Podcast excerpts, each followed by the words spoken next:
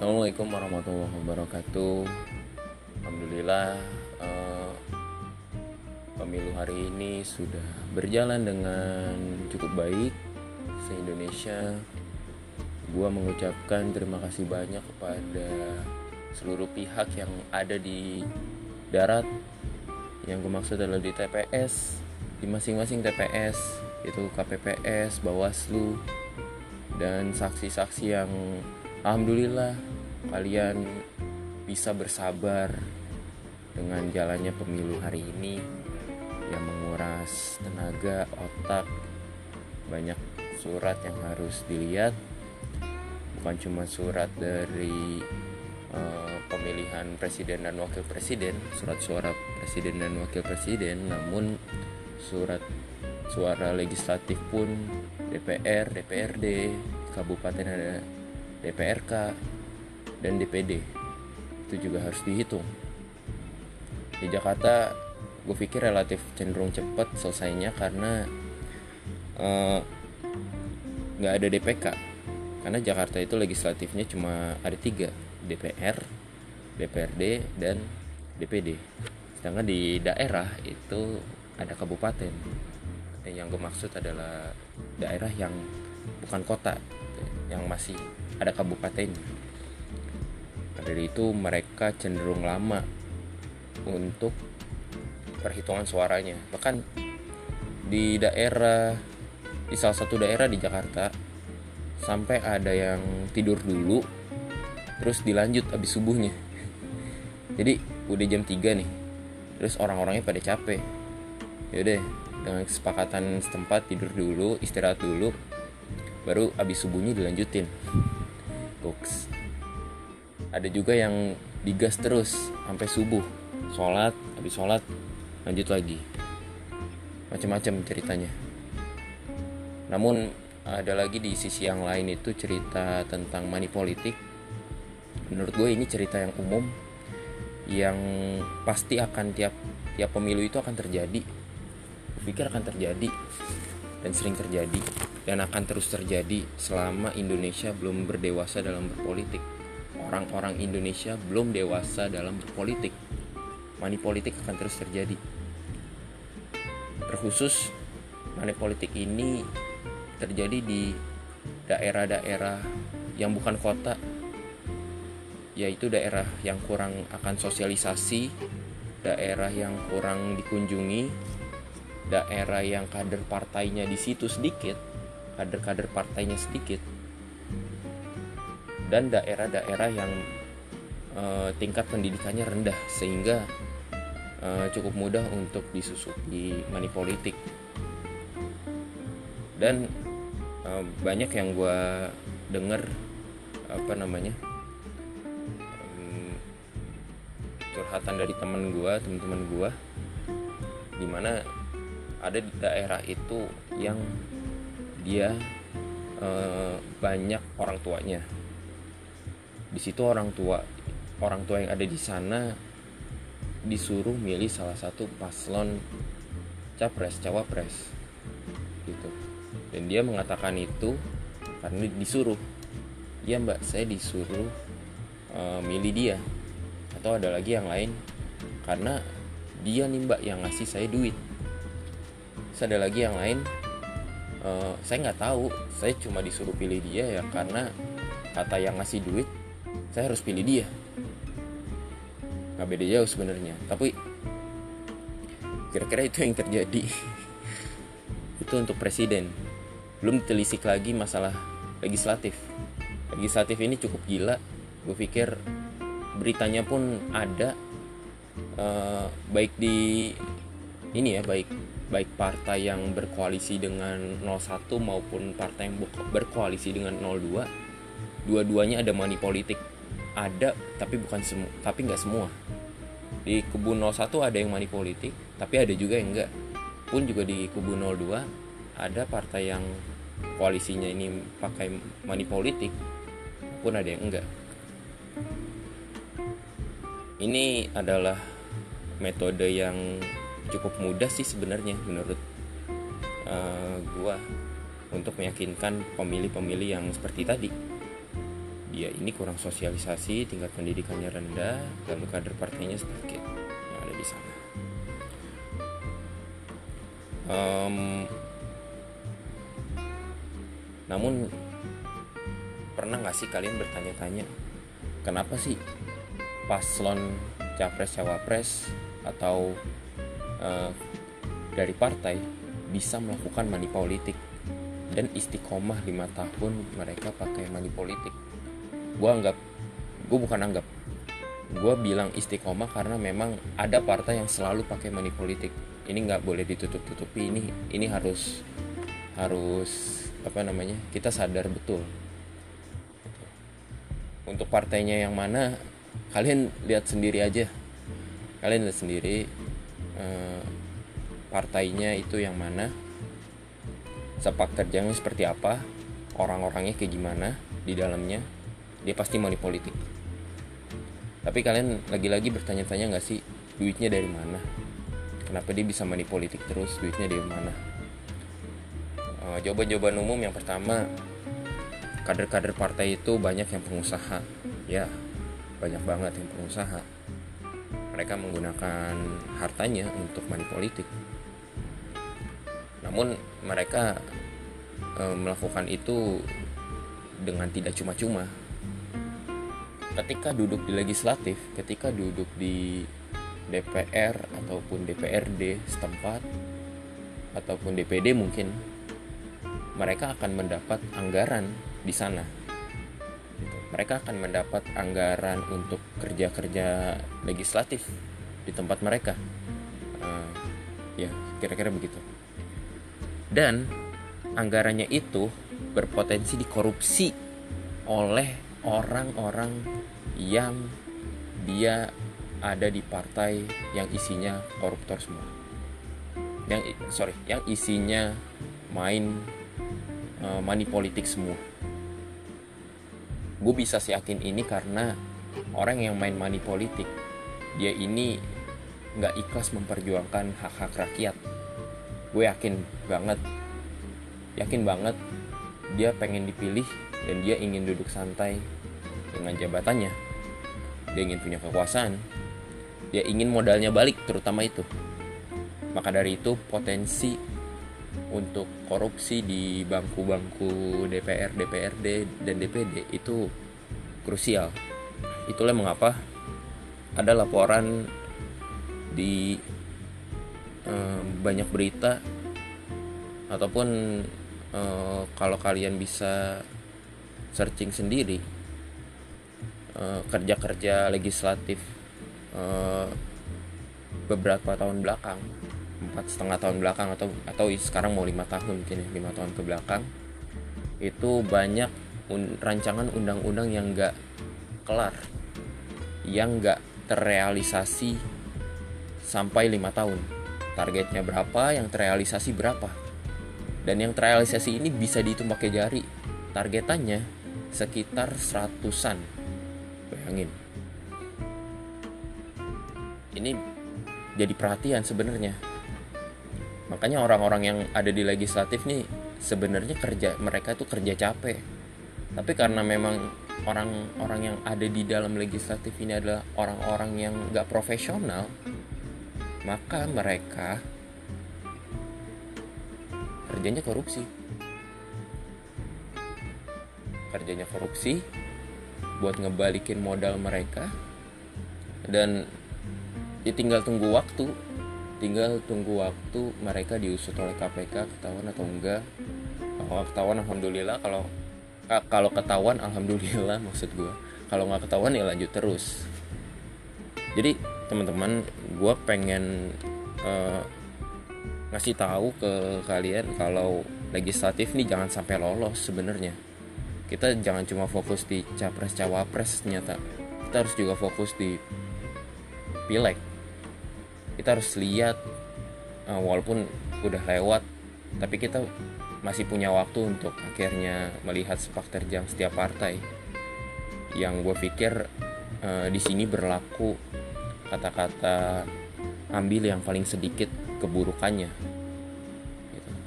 jika semuanya buruk ambil yang paling sedikit keburukannya. Jika semuanya baik ambil yang paling terbaik. Ini berlaku kaidah ini berlaku karena kita sedang ada di politik. Politik itu nggak ada yang 100% bersih dan nggak ada yang 100 tapi ada yang 100% kotor. Ada cuman kita nggak bisa lihat itu aja. Nggak ada yang 100% bersih. Maka dari itu kita harus bisa memilih yang uh, kotornya ini lebih sedikit. Sehingga ketika kita sebagai rakyat bisa uh, apa namanya bisa ketika mereka nih orang-orang yang di legislatif dari partai yang cukup bersih ini bisa terpilih nantinya bisa duduk di kursi legislatif kita sebagai rakyat bisa mengevaluasinya. Maksudnya uh, evaluasi yang dilakukan oleh rakyat tidak terlalu uh, keras gitu. Mungkin uh, yang akan rakyat evaluasi kalau rakyatnya pinter banget dia bakal mengevaluasi uh, kultural dari partainya gitu ya. Karena partai-partai yang bersih ini uh, mereka cenderung orang-orangnya um, apa ya tidak terlalu bisa berpolitik.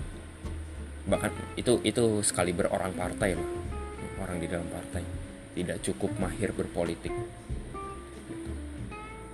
Tapi kalau rakyat yang memang biasa-biasa aja dia akan mengkritik uh, di mana ketika ada kasus yang lagi viral baru dikritik. Misal salah satu anggota partainya cuma satu nih terlibat korupsi. Wah dikritiknya habis tuh sama rakyat rakyat biasa oke uh, terkait kejutan di pemilu um, gue melihat ini di dua tempat bukan di dua tempat sih lebih tepatnya di dua eh, bagian yaitu di darat maupun di laut. Darat itu yang ada di sekitar kita lingkungan lingkungan asli. Kalau di laut ini di medsos ya lebih ke medsos. Jadi kondisi di darat lagi-lagi gue sampaikan uh, di sekitar itu um, money politik ada. Terus um, KPPS disogok bukan cuma money politik ke warga tapi money politiknya sampai ke panitia penyelenggara ya, pemilu setempat. Dan uh, eh, KPPS yang tidak profesional di setiap TPS bahkan di dekat enggak dekat dekat juga sih di Jakarta lah masih di Jakarta itu KPPS-nya nggak profesional. Nggak jarang terjadi keributan coblos mencoblos ini ini legislatif nih biasanya yang menjadi masalah.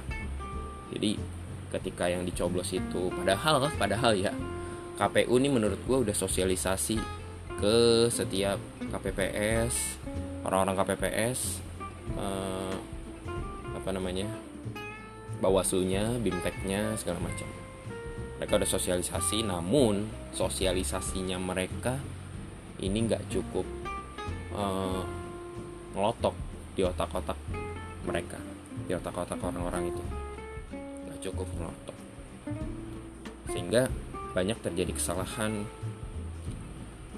Antara biasanya yang terjadi kasus tuh misal nyoblo nyoblos partai uh, ininya partai politiknya. Lalu terus kecoblos juga calegnya. Nah yang dihitung suara apa? Harusnya yang dihitung suara partai. Cuman masih ada aja. Eh ha sorry harusnya yang dihitung itu suara uh, calonnya. Jadi kalau yang kecoblos tadi partai politik sama nama calonnya pas banget di nama calonnya nggak di tengah-tengah itu yang kehitung suara calonnya. Tapi masih ada aja yang nganggep ini suara partai.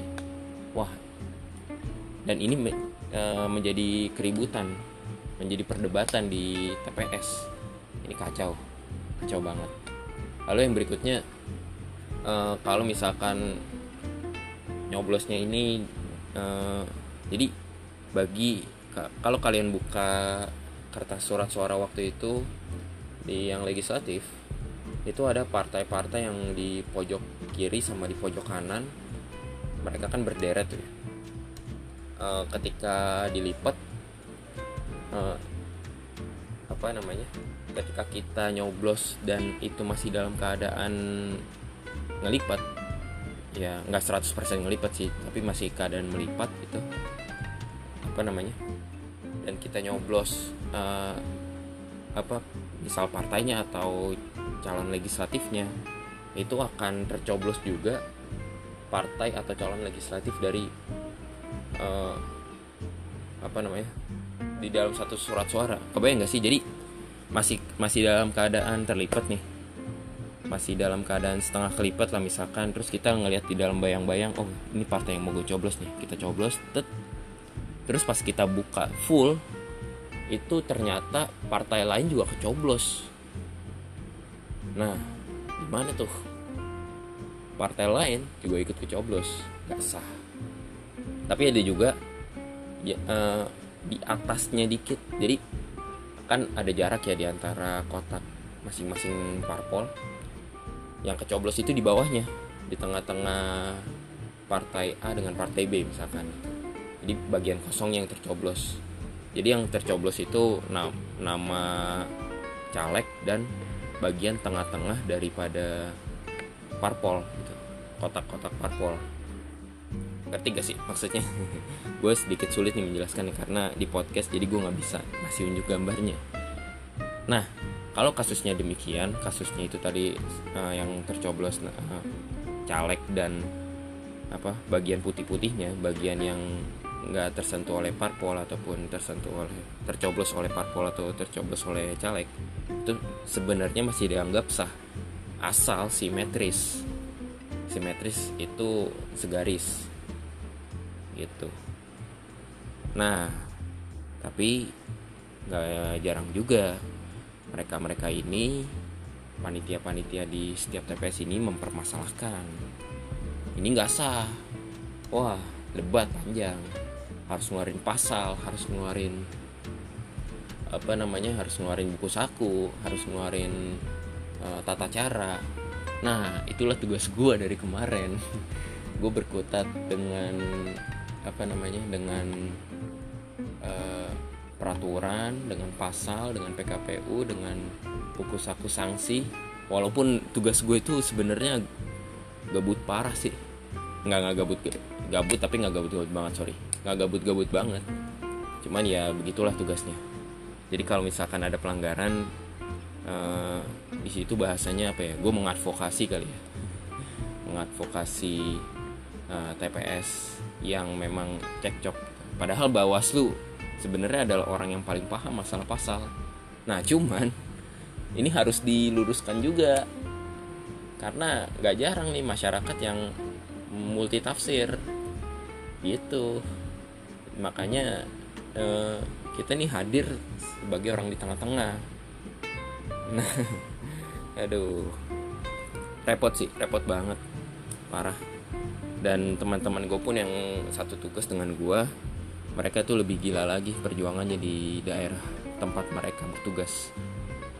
Ada yang uh, masalah tadi yang seperti gue bilang coblos mencoblos ada juga yang uh, eh, KPPS-nya nggak mau tanda tangan. Ada juga yang begini. Jadi uh, di pilpres itu KP eh sorry KPPS saksi dari masing-masing capres cawapres ini entah sih kalau di 01 tapi kalau di 02 yang gue tahu karena gue dikasih tahu temen gue ini saksinya itu adalah orang Gerindra. Jadi se-Indonesia saksi di setiap TPS di masing-masing TPS itu dipegang Gerindra. Nyatanya di lapangan orang Gerindra itu kosong. Parah kosong melompok gue kasih tau aja mereka tuh banyak yang gak bertugas di Jakarta. Entah di daerah lain tapi di Jakarta banyak aduan ini ini kosong ini nggak ada orang ini nggak ada orang ini nggak ada orang ini nggak ada orang sehingga saksi dari partai lain yang kebetulan berkoalisi dengan 02 ini harus meminta C1 nya uh, capres gitu. harus meminta C1 nya tapi ya harusnya sih nggak bakal dikasih dan memang harusnya tidak akan dikasih karena yang dikasih itu adalah saksi khusus capres cawapres dalam hal ini Gerindra orang Gerindra. Nah di Gerindra sendiri di medsos uh, medsosnya Fadlizon dia malah ngeposting uh, CP ini CP aduan. Jadi rakyat biasa rak, uh, rakyat ini rakyat bisa bisa ngadu ke dia atau kalau ada rakyat yang megang C1 yang yang sorry, sorry atau rakyat yang ya ini jadi saksinya 02 dengan sukarela gue luruskan ya sak, warga yang dengan sukarela menjadi saksi 02 dan dapat C1 dia memfoto C1 itu bisa langsung diberikan ke CP-CP yang di tertera gitu. dan Fadlizon memposting nomor-nomor CP tersebut. Dan itu menurut gue aduh ini mah aduh ya ampun. Ini kalau ada kalau ada orang Gerindra nih gue tusuk nih ubun-ubunnya gue yang bukan siapa-siapa pun kesel ngelihatnya. Ini bentuk ketidakprofesionalan masalahnya. Karena kita lihat sendiri eh, capres 02 dia udah mendeklarasi menang sedangkan lihat aja saksinya orang Gerindra ini nggak ada ini nggak ada yang di lapangan men. Aduh ampun. Sedih banget gue dengernya. Entah yang 01 bagaimana gue pikir kalau ada kejadian seperti ini internal 01 pun juga sesolid solidnya pasti juga bakal goyang kali ya. Gue yang aduh gue yang rakyat biasa aja sedih banget dengernya ini pasti bakal bikin goyang sih goyang banget parah. Maka dari itu uh, banyak kader-kader tadi ya partai lain yang dia menjadi saksi legislatif saksi DPR DPRD dia merangkap juga jadi saksi capres. Sehingga uh, kalau misalkan uh, KPPS-nya luas nih dikasih C1 tapi kalau KPPS-nya taat peraturan melek peraturan nggak dikasih gitu. Nah C1 yang udah didapat ya udah jadi data aja nih buat kita. So kok buat kita sih? Monggo siapa ya? jadi data aja buat ini buat yang pegang tuh kader-kader partai itu. Gitu. Nah uh, lalu kemudian ini kondisi di darat kurang lebih demikian ya. Mungkin ada yang lebih menghebohkan lagi ada yang lebih mencengangkan lagi tapi gue malas mengeksplornya gue malas ngomongnya. Cukup banyak banget sih. Lalu berikutnya kondisi di laut. Eh sorry kondisi di, di udara. Tadi gue tipe ya bukan laut nih maksudnya udara. Medsos. Istilah-istilah medsos. Nah kondisinya di sini lagi perang hashtag hashtag yang lagi viral tuh kemarin Jokowi election dan victory for Prabowo. Sekarang ditambah lagi dengan INA election observe SOS SOS INA election observer SOS jadi gawat uh, gawat pemilu pasti gitu hashtag ini sebenarnya sempat viral namun viral lagi hari ini. Jadi dirasa pemilu hari ini nih banyak curangan. Uh, banyak akun-akun tokoh-tokoh partai atau tokoh-tokoh dari uh, apa tim kampanye gitu ya. Tim tim sukses itu dihack dan disinyalir akun eh, sorry bukan akun. Disinyalir website KPU juga lagi diretas nih lagi dihack makanya hashtag ini muncul. Cuman yang gue lihat hashtag ini. Lagi-lagi botnya ya namanya juga bot ya. Dia cuman nge-tweet nge-tweet biasa. Jadi satu kata nih apa? Katanya nggak nyambung sama sekali misalkan kodok terus hashtagnya Ina Election Observer SOS terus ada lagi Tenggol hashtag Ina Observer Ina Election Observer SOS dan lain sebagainya. Aduh ampun. Entah maksudnya apa sih sehingga uh, efeknya adalah psikologis rakyat nih. Ini bukan cuma di medsos ya udaranya tapi di TV juga. Psikologis rakyat ini lagi dimain-mainin banget lagi dibelok-belokin. Ya nggak bahkan temen gue sendiri juga ini TV udah matiin aja kita nggak usah percaya TV kita lihat aja. Eh kita tunggu aja. Tapi tunggu tunggu tunggu juga masih ada yang nonton TV masih ada yang nonton uh, debat-debat kemarin tuh semalam. Debat-debat masing tekan BPN ya. Debat-debat masing-masing partai. Yang entahlah mereka ngomong apa. Itulah warna-warni atau kejutan-kejutan dari pemilu-pemilu sekarang. Gue yakin di daerah kalian ini pasti lebih berwarna lagi terutama daerah-daerah yang sampai dari pagi sampai pagi dari pagi ketemu pagi pemilunya. Ini pasti lebih berwarna. Dan gue yakin lebih seru cerita kalian. Tapi sayang sekali gue nggak punya waktu buat harusnya uh, gue bisa mewawancara ya teman-teman gue gitu. Terutama teman-teman gue yang tokoh. Gue pengen wawancara mereka. Ya nggak sih nggak wawancara ya. Karena judulnya ngobrol oh, di waktu luang. Jadi gue pengen ngobrol di waktu luang bareng mereka. Jadi tadi Gusman abis WhatsApp gue bikin bikin tentang pemilu yuk. Tapi kita nggak ada waktu sama sekali. Ini hari Kamis hari kejepit kerja dan gue masih dengan uh, kerjaan gue tadi. Aduh jadi nggak ada waktu sama sekali.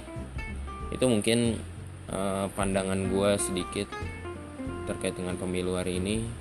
Semoga apa yang kita lakukan uh, bernilai baik.